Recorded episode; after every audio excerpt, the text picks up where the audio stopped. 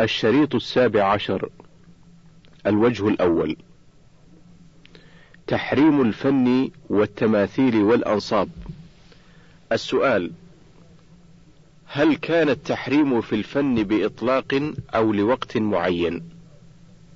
السؤال الثاني ما موقف الإسلام من إقامة التماثيل لشتى الأغراض؟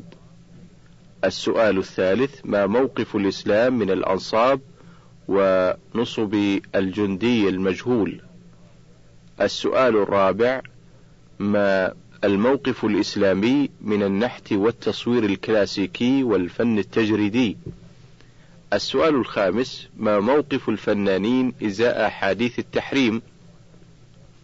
الحمد لله وحده والصلاة والسلام على رسوله وآله وصحبه وبعد. الجواب الأول ما كان من الفن نحتا أو تصويرا لذوات الأرواح فهو محرم على الإطلاق في كل وقت من الأوقات إلا ما دعت إليه ضرورة كصورة لجواز سفر أو لحفيظة نفوس أو لمشبوهين ليتعرف عليهم أو لاختبار أو تعيين في عمل أو نحو ذلك مما يدفع به الغش أو يحفظ به الأمن فيرخص فيه بقدر الضرورة. الجواب الثاني إقامة التماثيل لأي غرض من الأغراض محرمة سواء كان ذلك لتخليد ذكر الملوك وقادة الجيوش والجيوش والوجهاء والمصلحين أم كان رمزا للعقل والشجاعة كتمثال أبي الهول أم لغير ذلك من الأغراض لعموم الأحاديث الصحيحة الواردة في المنع من ذلك لأنه ولأنه ذريعة إلى الشرك كما جرى لقوم نوح. الجواب الثالث إقامة الأنصاب لمعروفين من الوجهاء أو لمن أو من لهم شأن في بناء الدولة علميا أو اقتصاديا أو سياسيا وإقامة نصب لما يسمى بالجندي المجهول هو من أعمال الجاهلية وضرب من الغلو فيه ولذلك نجدهم يقيمون حفلات حفلات الذكرى حول هذه الأنصاب عند المناسبات ويضعون عليها الزهور تكريما لها وهذا شبيه بالوثنية الأولى وذريعة إلى الشرك الأكبر والعياذ بالله فيجب القضاء على هذه التقاليد محافظة على عقيدة التوحيد ومنعا للإسراف دون جدوى. وبعدا عن مجاراة الكفار ومشابهتهم في عاداتهم وتقاليدهم التي لا خير فيها بل تفضي إلى شر مستطير. الجواب الرابع: مدار التحريم في التصوير كونه تصوير لذوات الأرواح سواء كان نحتا أم تلوينا في جدار أو قماش أو ورق أو كان نسيجا وسواء كان بريشة أم قلم أم بجهاز وسواء كان للشيء على طبيعته وسواء كان للشيء على طبيعته أم دخله الخيال فصغر أو كبر أو جمل أو شوه أو جعل خطوطا تمثل الهيكل العظمي فمناط التحريم كون ما صور من ذات الأرواح ولو كالصور الخيالية التي تجعل لمن يمثل القدامى من الفراعنة وقادة الحروب الصليبية وجنودها وكصورة عيسى ومريم المقامتين في الكنائس إلى آخره وذلك لعموم النصوص ولما فيها من المضاهاة ولكونها ذريعة إلى الشرك. الجواب الخامس: قد ينكرونها ولكنها ثابتة في دواوين السنة ثبوتا لا ريبة فيه، وقد يتناولها أو يدعون تخصيصها بزمن أو بنوع منها، ولا سبيل إلى ذلك لعمومها وصراحتها، وقد يرون أنه حدث من الدواعي ما يقتضي الترخيص فيها، وقد يرون أنه حدث من الدواعي ما يقتضي الترخيص فيها، والواقع يشهد أن الفنانين ليس لديهم من الدواعي سوى فن الجمال وإشباع الرغبة والاستجابة للعاطفة والهوى والخيال والقصد في اتخاذ أهل في اتخاذ هذا الفن طريقا إلى كسب المال إلى أمثال ذلك مما لا ينهض سببا للترخيص فيها مع قيام موجب المنع منها من النص وكونها ذريعة لأكبر الكبائر. الهامش فتاوى اللجنة الدائمة للبحوث العلمية والإفتاء الجزء الأول رقم 478 و 479 انتهى الهامش. التصوير بالكاميرا للذكرى والتسلية. السؤال: ما حكم التصوير بالكاميرا صورا عائلية وما, وما شابهها من أجل الذكرى والتسلية فقط لا غير؟ الحمد لله وحده والصلاة والسلام على رسوله وآله وصحبه وبعد. الجواب تصوير الأحياء حرام بل من كبائر الذنوب سواء اتخذ المصور ذلك سواء اتخذ المصور ذلك مهنة له أم لم يتخذها مهنة وسواء كان المصور وسواء كان المصور نقشا أم رسما بالقلم ونحوه أم عكسا بالكاميرا ونحوها. من من الآلات أو نحتا لأحجار ونحوها إلى آخره وسواء كان ذلك للذكرى أم لغيرها للأحاديث الواردة في ذلك وهي عامة في أنواع التصوير والصور للأحياء. ولا يستثنى من ذلك إلا ما دعت إليه الضرورة. وبالله التوفيق وصلى الله على نبينا محمد وآله وصحبه وسلم. الهامش فتاوى اللجنة الدائمة للبحوث العلمية والإفتاء الجزء الأول رقم 480 انتهى الهامش. الصور للضرورة. السؤال مضمونه أن الناس في حاجة إلى وضع صورة في البطاقات الشخصية وحفائظ النفوس ورخص قيادة السيارات وفي الضمان الاجتماعي وفي استمارات الاختبار بالمدارس والجامعات وفي جوازات السفر ونحو ذلك فهل يجوز التصوير فهل يجوز التصوير لمثل ذلك للضرورة؟ وإن لم يكن جائزا فماذا يعمل من يشتغل في وظيفة أينفصل منها أم يبقى فيها؟ الحمد لله وحده والصلاة والسلام على رسوله وآله وصحبه وبعد. الجواب التصوير محرم لما ثبت في الأحاديث الصحيحة عن رسول الله صلى الله عليه وسلم من آه، لعن المصورين وإخباره أنهم أشد الناس عذابا. وذلك لكونه ذريعة إلى الشرك ولما فيه من مضاهاة خلق الله لكن إذا اضطر إليه الإنسان لوضع الصورة في حفيظة في حفيظة نفوس أو جواز سفر أو استمارة اختبار أو إقامة أو نحو ذلك ورخص رخص له فيه بقدر الضرورة إذا لم يجد مخلصا من ذلك وإن كان في وظيفة ولم يعد له بد منها أو كان عمله لمصلحة عامة لا تقوم إلا به رخص له فيه للضرورة لقول الله عز وجل وقد فصل لكم ما حرم عليكم إلا ما اضطررتم إليه سورة الأنعام الآية التاسعة عشرة بعد المئة.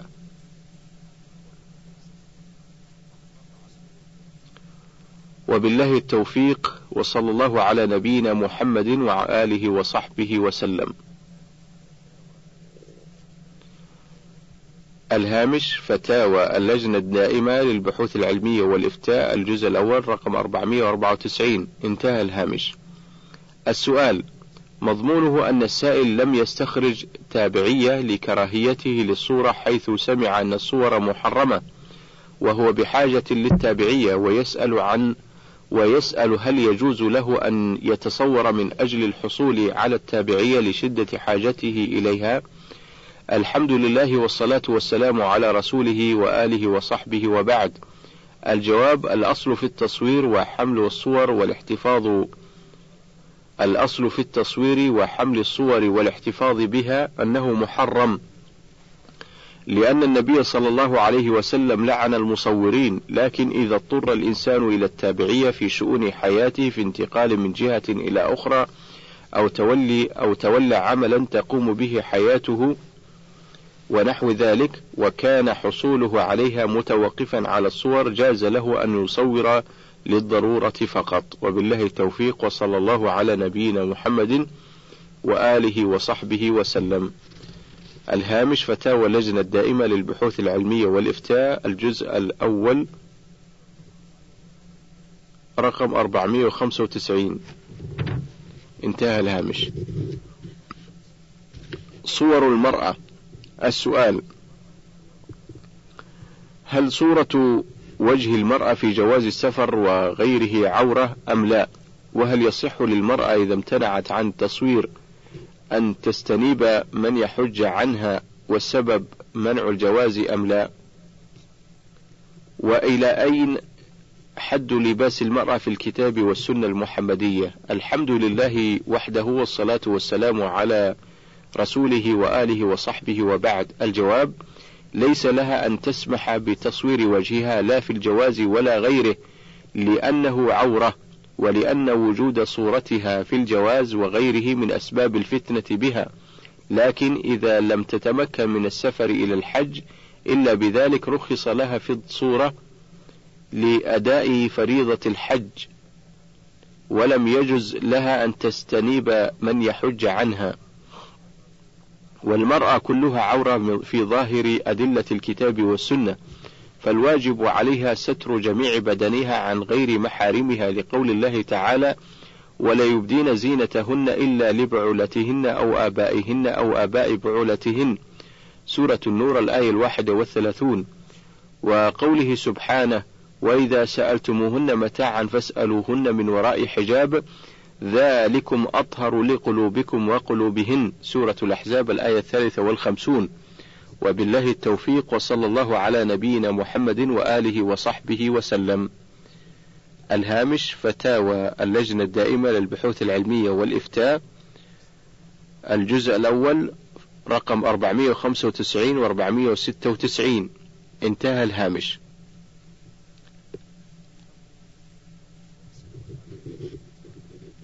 حكم لبس الثوب الضيق والأبيض للمرأة. السؤال هل يجوز للمرأة لبس الثوب الضيق وهل يجوز لها لبس الثوب الأبيض؟ الجواب لا يجوز للمرأة أن تظهر أمام الأجانب أو تخرج إلى الشوارع والأسواق وهي لابسة لباسا ضيقا يحدد جسمها ويصفه لمن يراها لأن ذلك يجعلها بمنزلة العارية ويثير الفتنة. ويكون سبب شر خطير ولا يجوز لها أن تلبس لباسا أبيض إذا كانت الملابس البيضاء في بلادها من سيماء الرجال وشعارهم إذا كانت الملابس البيضاء في بلادهم من سيم الرجال وشعارهم لما في ذلك من تشبهها بالرجال وقد لعن النبي صلى الله عليه وسلم المتشبهات من النساء بالرجال. الهامش فتاوى المرأة في الصفحة رقم 165 اللجنة الدائمة انتهى الهامش. حكم لبس القفازين عند الخروج. الهامش دليل الطالبة المؤمنة الصفحة رقم 41 الشيخ ابن عثيمين انتهى الهامش السؤال هل يجب على المرأة لبس الجوارب والقفازين عند الخروج من البيت أم ذلك من السنة فقط الجواب الواجب عليها عند الخروج من البيت ستر كفيها وقدميها ووجهها بأي ساتر كان لكن الأفضل لبس القفازين كما هو عادة نساء الصحابة رضي الله عنهن عند الخروج ودليل ذلك قوله صلى الله عليه وسلم في المرأة إذا أحرمت لا تلبس القفازين. الهامش رواه البخاري في جزاء الصيد رقم 1838 انتهى الهامش. وهذا يدل على أن من عاداتهن لبس ذلك. حكم لباس الباروكة. الهامش فتاوى المرأة في الصفحة رقم 166 الشيخ ابن عثيمين. انتهى الهامش. السؤال ما حكم لبس المرأة ما يسمى بالباروكة لتزيين لتتزين بها لزوجها. الجواب ينبغي لكل من الزوجين أن يتجمل للآخر بما يحببه فيه ويقوي العلاقة بينهما. لكن في حدود ما أباحته شريعة الإسلام دون ما حرمته. ولبس ما يسمى بالباروكة بدأ في غير المسلمات واشتهرنا بلبسه والتزين به حتى صار من سمتهن فلبس المرأة المسلمة إياها وتزيينها بها ولو لزوجها فيه تشبه بالكافرات. وقد نهى النبي صلى الله عليه وسلم عن ذلك بقوله من تشبه بقوم فهو منهم الهامش رواه أبو داود في اللباس رقم أربعة آلاف وواحد وثلاثين وأحمد في الجزء الثاني رقم خمسين. انتهى الهامش. ولأنه في حكم وصل الشعر بل أشد منه. وقد نهى النبي صلى الله عليه وسلم عن ذلك ولعن فاعله. الهامش رواه البخاري في اللباس رقم خمسة آلاف وتسعمائة واحد وأربعين ومسلم في اللباس رقم ألفين ومائة واثنين وعشرين. انتهى الهامش. استعمال الباروكة حرام. الهامش فتاوى المرأة في الصفحة رقم 183 الشيخ ابن عثيمين. انتهى الهامش. السؤال هل يجوز للمرأة أن تستعمل الباروكة؟ وهل الشعر وهي الشعر المستعار لزوجها؟ وهل يدخل ذلك تحت النهي عن الواصل والمتصل؟ الجواب الباروكة محرمة وهي داخلة في الوصل وإن لم يكن وصلا فهي تظهر رأس المرأة على وجه أطول من حقيقته فتشبه الوصل. وقد لعن النبي صلى الله عليه وسلم الواصلة والمستوصلة. الهامش رواه البخاري في اللباس رقم خمسة آلاف وتسعمائة واحد وأربعين ومسلم في اللباس رقم 2122 انتهى الهامش. لكن إذا لم يكن على الرأس شعر أصلا كأن تكون قرعا فلا حرج من استعمال الباروكة ليستر هذا العيب لأن إزالة العيوب جائزة. ولهذا أذن النبي صلى الله عليه وسلم لمن قطعت أنفه في إحدى الغزوات أن يتخذ أنفا من ذهب. الهامش رواه أبو داود في الخاتم رقم أربعة آلاف ومائتين واثنين وثلاثين والترمذي في اللباس رقم ألف وسبعمائة وسبعين والنسائي في الزينة في الجزء الثامن رقم مئة وثلاثة وستين ومئة وأربعة وستين انتهى الهامش المسألة أوسع من ذلك فتدخل فيها إذا مسائل التجام مسائل التجميل وعملياته من تصغير للأنف وغيره. التجمل ليس إزالة عيوب فإن كان آه، إزالة عيب فلا بأس به. أما إن كان لغير إزالة عيب كالوشم والنمص مثلا فهذا هو الممنوع. واستعمال الباروكة حتى لو كان بإذن الزوج ورضاه فهو حرام لأنه لا إذن ولا رضا فيما حرمه الله. الهامش فتاوى المرأة في الصفحة رقم 161 الشيخ ابن عثيمين انتهى الهامش. يجب إلزام الخادمة بالحجاب. الهامش فتاوى المرأة في الصفحة رقم 160 اللجنة الدائمة انتهى الهامش السؤال لدينا خادمة منزلية مسلمة تؤدي فروضها الدينية كاملة إلا أنها لا تحجب شعرها فهل يجب علي إرشادها لذلك؟ الجواب يجب عليكم أمرها بستر شعرها وسائر عوراتها وسائر عورتها حذرا من الفتنة وانتشار الفساد. حجاب البنت الصغيرة الهامش فتاوى المرأة الصفحة رقم 160 اللجنة الدائمة. السؤال ما حكم البنات اللاتي لم يبلغن الحلم؟ وهل يجوز لهن الخروج من غير آه، سترة؟ وهل يجوز لهن الصلاة من غير خمار؟ الجواب يجب على وليهن أن يؤدبهن بآداب الإسلام فيأمرهن بألا يخرجن إلا ساترات لعوراتهن. خشية الفتنة وتعويدا لهن على الأخلاق الفاضلة حتى لا يكن سببا في انتشار الفساد ويأمرهن بالصلاة في خمار ولو صلت بدونه صحت صلاتها. لقول النبي صلى الله عليه وسلم لا يقبل الله صلاة حائض إلا بخمار. الهامش رواه الترمذي في الصلاة رقم 377 وأحمد في الجزء السادس رقم 218 وأبو داود في الصلاة رقم 641 وابن ماجه في الصلاة رقم 655 انتهى الهامش. حكم الثياب القصيرة. السؤال ما حكم لبس الثياب الضيقة أو القصيرة أو المشقوقة من إحدى الجوانب أو القصيرة الأيدي؟ الجواب الثياب الضيقة التي تبين تفاصيل البدن فلا تجوز للمرأة فإن ظهورها بذلك يلفت يلفت الأنظار حيث يتبين حجم ثدييها أو عظام آه، صدرها أو أو إليتها أو بطنها أو ظهرها أو منكبيها أو نحو ذلك. فاعتياد مثل هذه الأكسية يعودها على ذلك ويصير ديدنها ويصير ديدنها ويصعب عليها التخلي عنه مع ما فيه من المحذور. وهكذا لبس القصير أو مشقوق الطرف بحيث يبدو الساق أو القدم أو قصير الأكمام. ولا يبرر ذلك كونها أمام المحارم أو النساء لأن اعتياد ذلك يجر إلى الجرأة على لبسه في الأسواق والحفلات والجمع الكثير كما هو مشاهد. وفي لباس النساء المعتاد ما يغني عن مثل هذه الألبسة والله أعلم.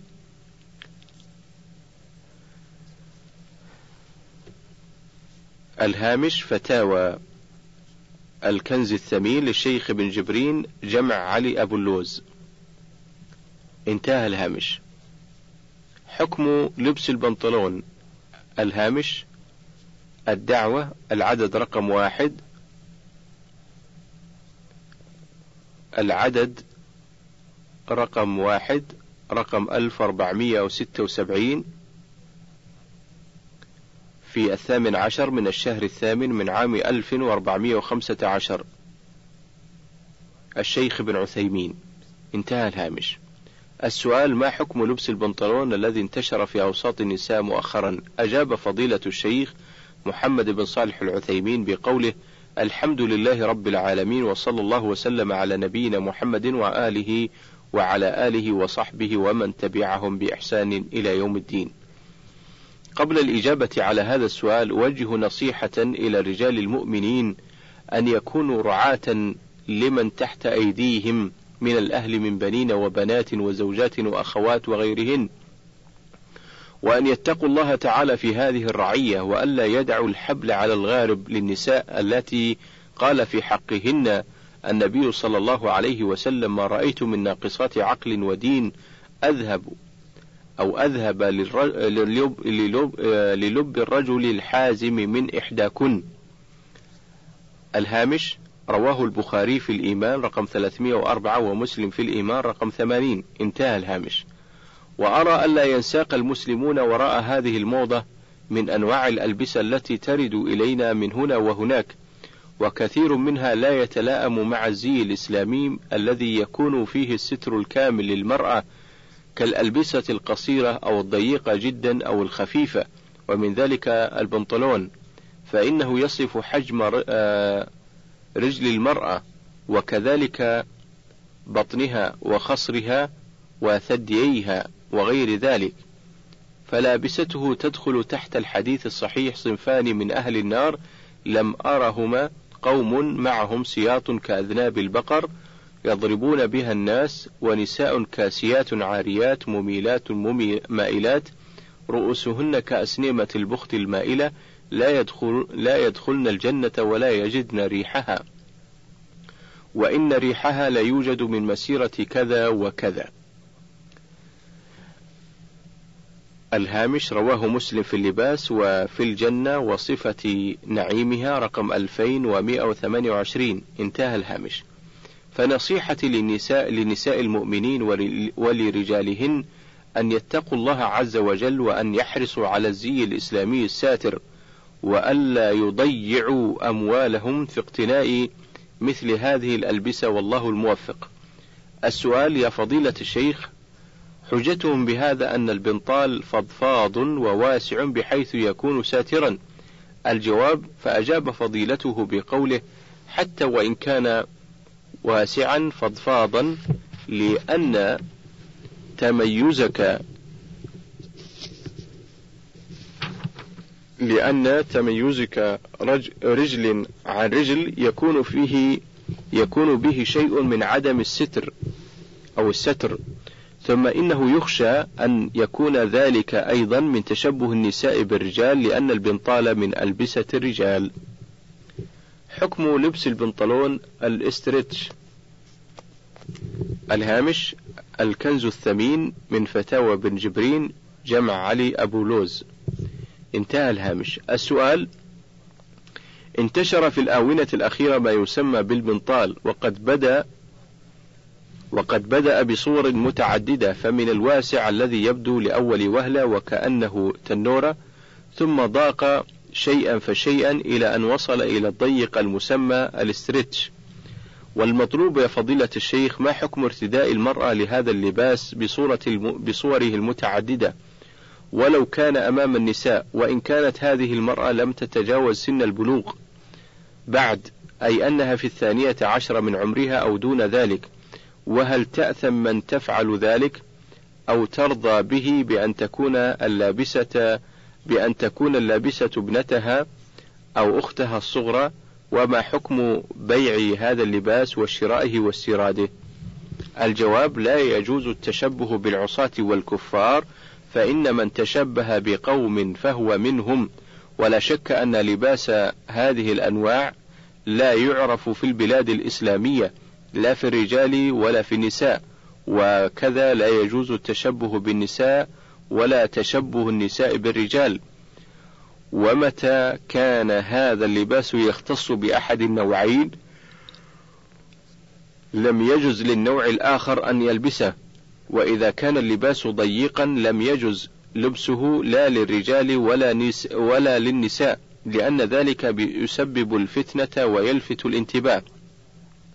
وهذه الأكسية الضيقة يحرم على النساء لبسها سيما إذا خرجت وتعرضت للنظر والبروز للرجال فإن ذلك من دواعي الفتنة وكذا لا يلبسها الرجال إذا بينت تفاصيل أعضائه وعورته. وعلى ذلك فلا يجوز بيعها ولا خياطتها لمن يلبسها وهي كذلك. ويأثم من استوردها وعرف وعرف أنها وعرف أنها تلبس على هذه فإنه من التعاون على الإثم والعدوان والله أعلم.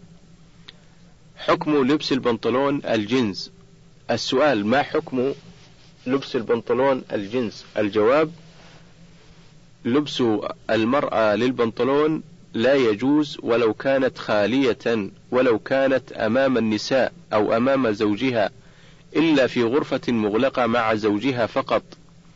فأما سوى ذلك فلا يجوز فإن فإنه يبين تفاصيل البدن ويعود المرأة على هذه اللبسة حتى تألفها وتصبح عندها مستساغة فلا تجوز هذه اللبسة بحال. الهامش الكنز الثمين من فتاوى ابن جبرين. انتهى الهامش. حكم لبس المرأة للبنطلون. الهامش فتاوى المرأة جمع محمد المسند اللجنة الدائمة. انتهى الهامش.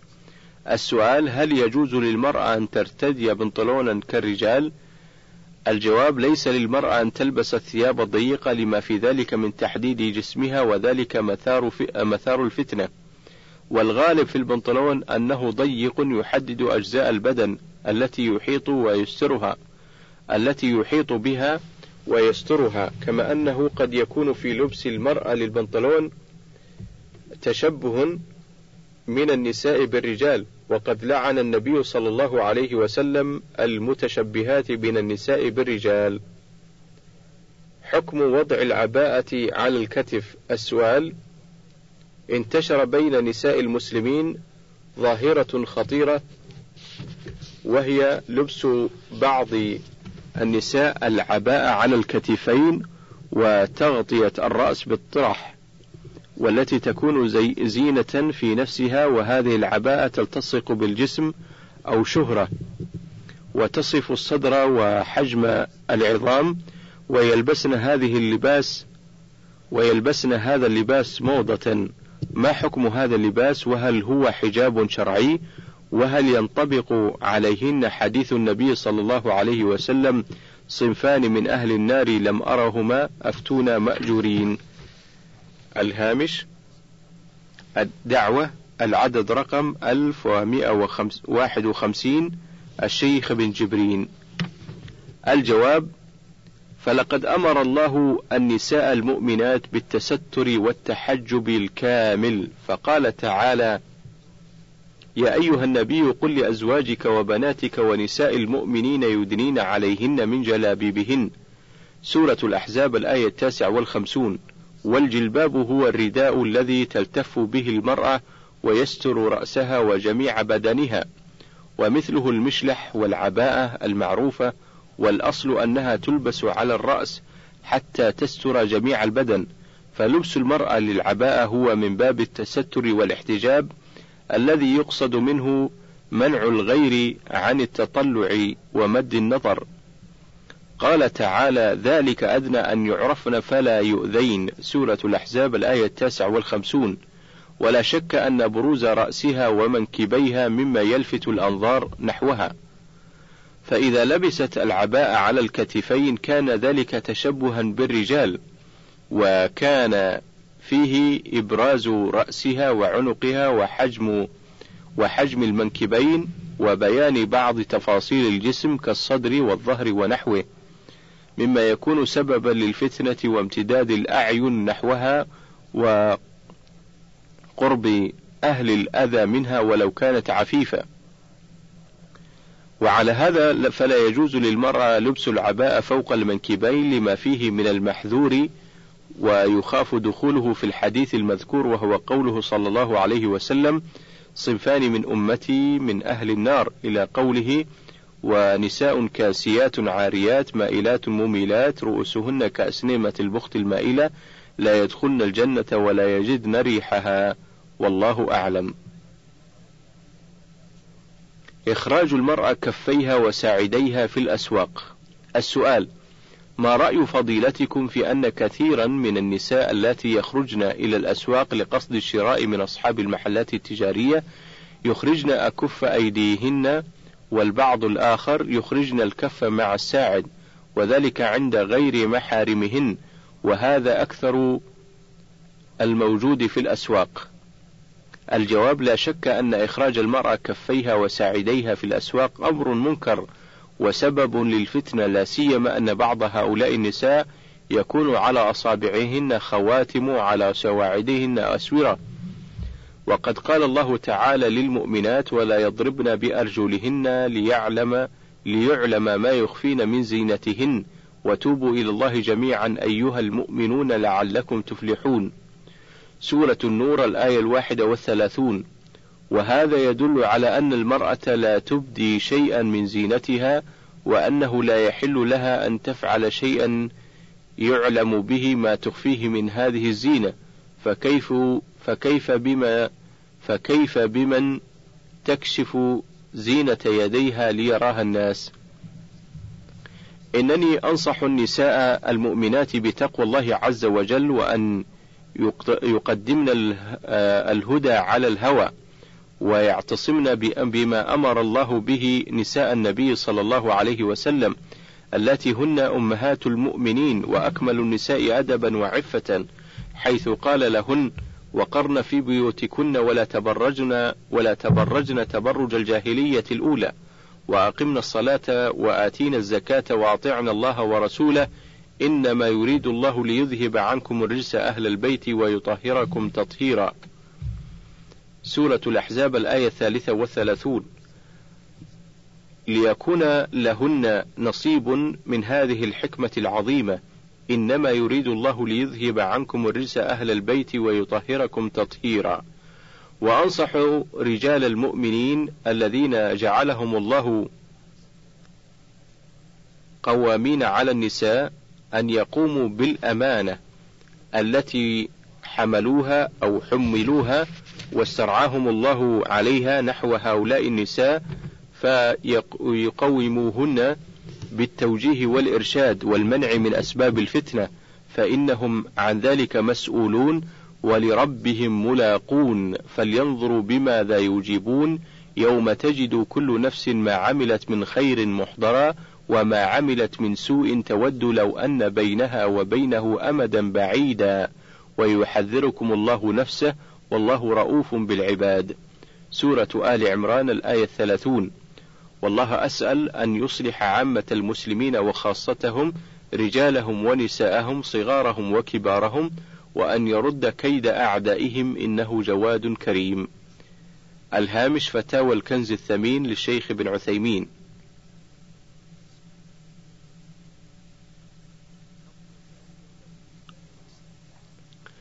حكم تغيير لون الشعر. الهامش فتاوى الكنز الثمين للشيخ ابن عثيمين ابن جبرين. فتاوى الكنز الثمين للشيخ ابن جبرين. انتهى الهامش. السؤال ما حكم تغيير شعر الرأس باللون الأحمر أو الأصفر أو لون آخر؟ الجواب أما تغيير لون أما تغيير المرأة لون رأسها بألوان متنوعة فهي موضة جديدة كما يقال ويعبرون عنها بالميش وقد تلقوه من الوافدين من نساء الغرب اللاتي يبدون أمام الرجال حاسرات عن الرأس والوجه وقد صبغن الشعر بعضه بأحمر وبعضه بأصفر وبعضه بأزرق إلى آخره والقصد أن يلفت النظر وأن يفتن الشباب. ومع أن هذا تمثيل وتقبيح فقد قلدهن نساء من أهل الوطن وقد ألزمن وقد ألزمهن أزواجهن بذلك لما رأوا أولئك النساء بتلك الصورة تعلقت نفوسهم بها فأحبوا أن يظهروها في زوجاتهم رغم أن هذا التمثيل والتلوين يقبح المنظر ويشوه المظهر. وقد ورد في الحديث النهي عن التمثيل بالشعر والنهي عن وصل الشعر والنهي عن الصبغ بالسواد إذا كان الشعر أبيض والرخصة في صبغ الشيب بالحمرة أي بالحناء والكتم فقط فيقتصر على الوارد والله أعلم. زراعة الشعر. السؤال في أمريكا تتم زراعة شعر المصاب بالصلع وذلك بأخذ شعر من خلف الرأس وزرعه وزرعه في المكان المصاب فهل يجوز فهل يجوز ذلك؟ الجواب نعم يجوز لأن هذا من باب رد ما خلق الله عز وجل ومن باب إزالة العيب وليس ها وليس هو من باب التجميل أو زيادة على خلق الله عز وجل فلا يكون من باب تغيير خلق الله بل هو من رد ما نقص وإزالة العيب ولا يخفى ما في قصة الثلاثة النفر الذي كان أحدهم أقرع وأخبر أنه يحب أن يرد الله عز وجل عليه شعره. فمسحوا فمسحه فمسحه الملك فرد الله عليه شعره فأعطي شعرا حسنا. الهامش رواه البخاري في أحاديث الأنبياء رقم 3464 ومسلم في الزهد رقم 2964 الهامش أيضا كتاب الدعوة رقم خمسة الشيخ بن عثيمين الجزء الثاني رقم 74 و 75 انتهى الهامش.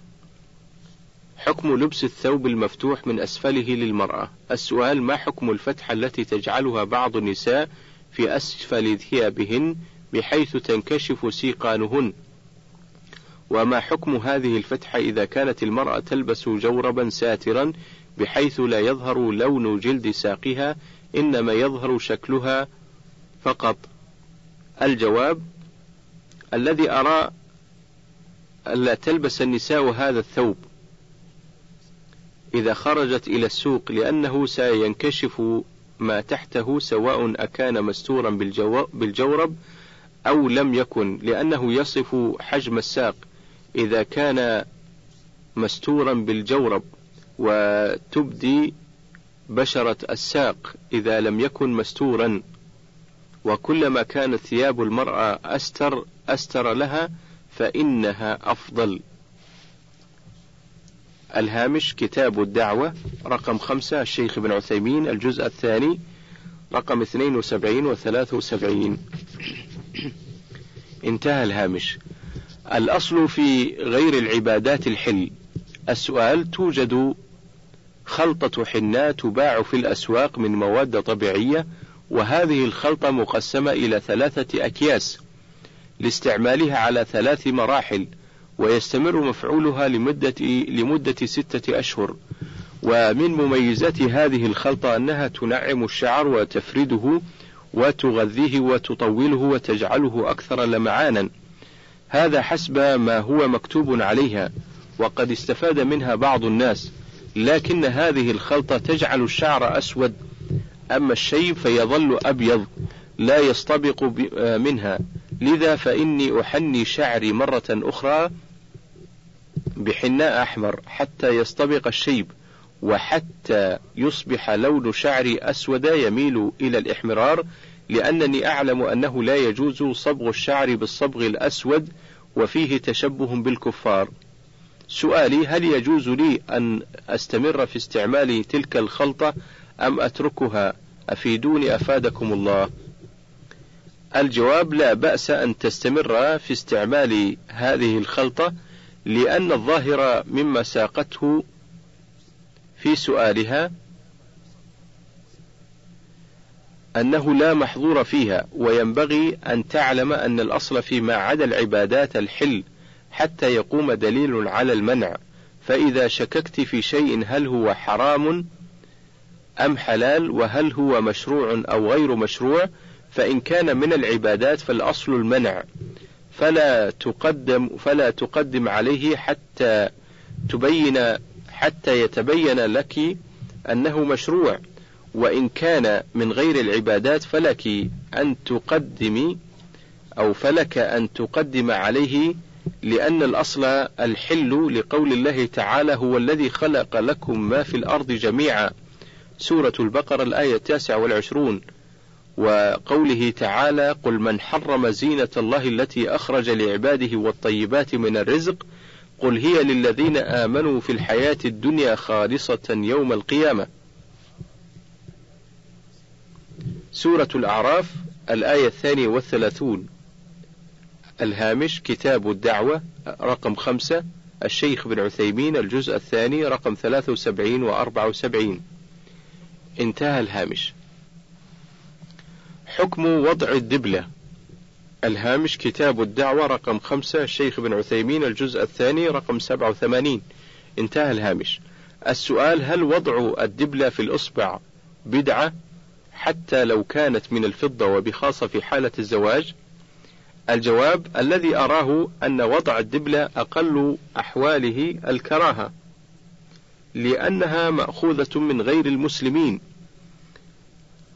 وعلى كل حال الإنسان المسلم يجب أن يرفع بنفسه عن تقليد غيره في مثل هذه الأمور. وإن صحب ذلك اعتقاد كما يعتقده بعض الناس من في الدبلة أنها سبب لارتباط بينه وبين زوجته كان ذلك أشد وأعظم لأن هذا لا يؤثر في العلاقة بين الزوج وزوجته.